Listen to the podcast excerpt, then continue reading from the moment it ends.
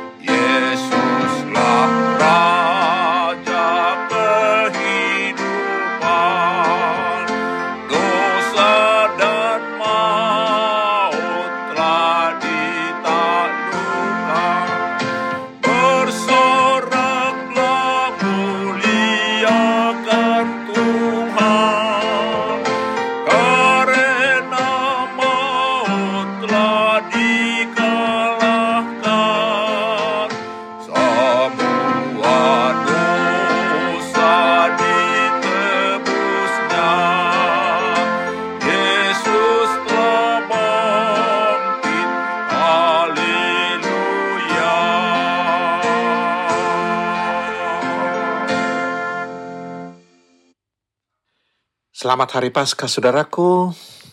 Sebelum kita disapa Tuhan di Hari Paskah ini, mari kita berdoa. Damai sejahtera Allah yang melampaui segala akal, kiranya mengawal hati saudara-saudara sekalian di dalam Kristus Yesus Tuhan kita. Amin. Saudaraku firman Tuhan yang akan menyapa kita di pesta Paskah pertama ini dengan tema Yesus telah bangkit adalah dari kitab Injil Lukas pasal 24 ayat pertama hingga ayat yang ke-12 saya bacakan untuk kita. Tetapi pagi-pagi benar pada hari pertama minggu itu, mereka pergi ke kubur membawa rempah-rempah yang telah disediakan mereka. Mereka mendapati batu sudah terguling dari kubur itu. Dan setelah masuk, mereka tidak menemukan mayat Tuhan Yesus. Sementara mereka berdiri termangu-mangu karena hal itu, Tiba-tiba ada dua orang berdiri dekat mereka memakai pakaian yang berkilau-kilauan. Mereka sangat ketakutan dan menundukkan kepala. Tetapi kedua orang itu berkata kepada mereka, Mengapa kamu mencari dia yang hidup di antara orang mati? Ia tidak ada di sini. Ia telah bangkit.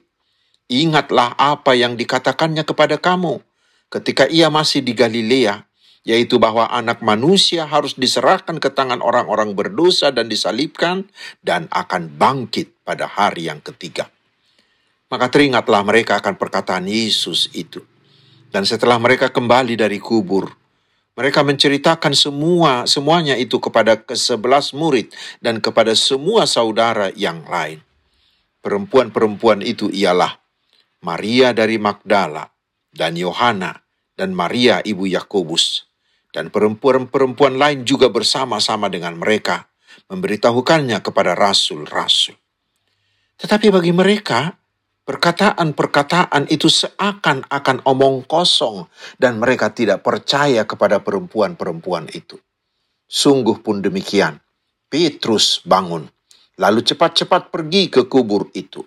Ketika ia menjenguk ke dalam, ia melihat hanya kain kapan saja Lalu ia pergi dan ia bertanya dalam hatinya, apa yang kiranya telah terjadi.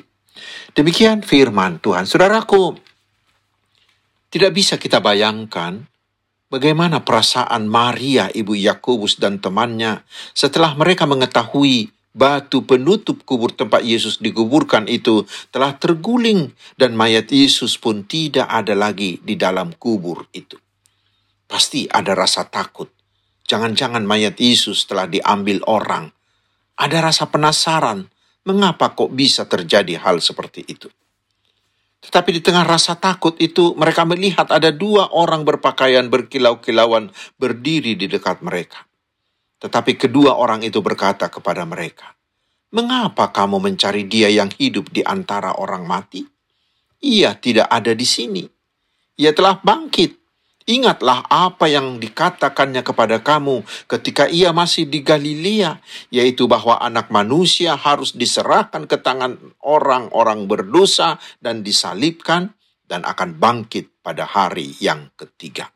Saudaraku, ingat dan ketahuilah bahwa Yesus telah bangkit dan telah meninggalkan lubang kubur. Bangkit berarti Yesus telah melepaskan tubuhnya dari kematian. Artinya bahwa tubuh Yesus hidup kembali sementara kematian tak berkuasa lagi atas tubuh Yesus. Yesus telah bangkit dan mengalahkan segala bentuk penderitaan kita di dunia ini, termasuk penderitaan kita karena COVID, karena pandemi COVID-19. Oleh karena itu, saudaraku, mari kita nyatakan kepada dunia ini bahwa dengan kebangkitan Yesus, ia telah memenangkan perseteruannya dengan kuasa alam maut, supaya manusia beroleh hidup kekal. Yesus telah bangkit. Dosa dan iblis serta kematian sudah dikalahkan. Yesuslah pemenang. Dan dengan kebangkitannya, Yesus telah melepaskan semua manusia dari kuasa dosa dan iblis, serta telah menyediakan hidup kekal bagi manusia. Barang siapa yang mau percaya kepada Tuhan Yesus, maka baginya sudah tersedia keampunan dari dosa, kelepasan dari kuasa iblis, dan juga hidup yang kekal. Karena itu, hari ini Mari kita bersukaria memuji-muji Tuhan seperti diserukan pemazmur di epistel hari ini. Karena Tuhan Yesus telah menebus kita dari lubang kubur dan menyediakan bagi kita anugerah keselamatan. Amin. Mari kita berdoa. Ya Allah, aku hendak memujimu karena kasihmu sungguh nyata lewat kematian Tuhan Yesus dan kuasamu pun semakin nyata lewat kebangkitannya. Tuhan memberkati engkau dan melindungi engkau. Tuhan menyinari engkau dengan wajahnya dan memberi engkau kasih karunia. Tuhan menghadapkan wajahnya kepadamu dan memberi engkau damai sejahtera. Amin. Tetap semangat saudaraku, tetap bersuka cita, dan tetaplah ikuti protokol kesehatan. Selamat Paskah bagi kita semua. Tuhan Yesus memberkati.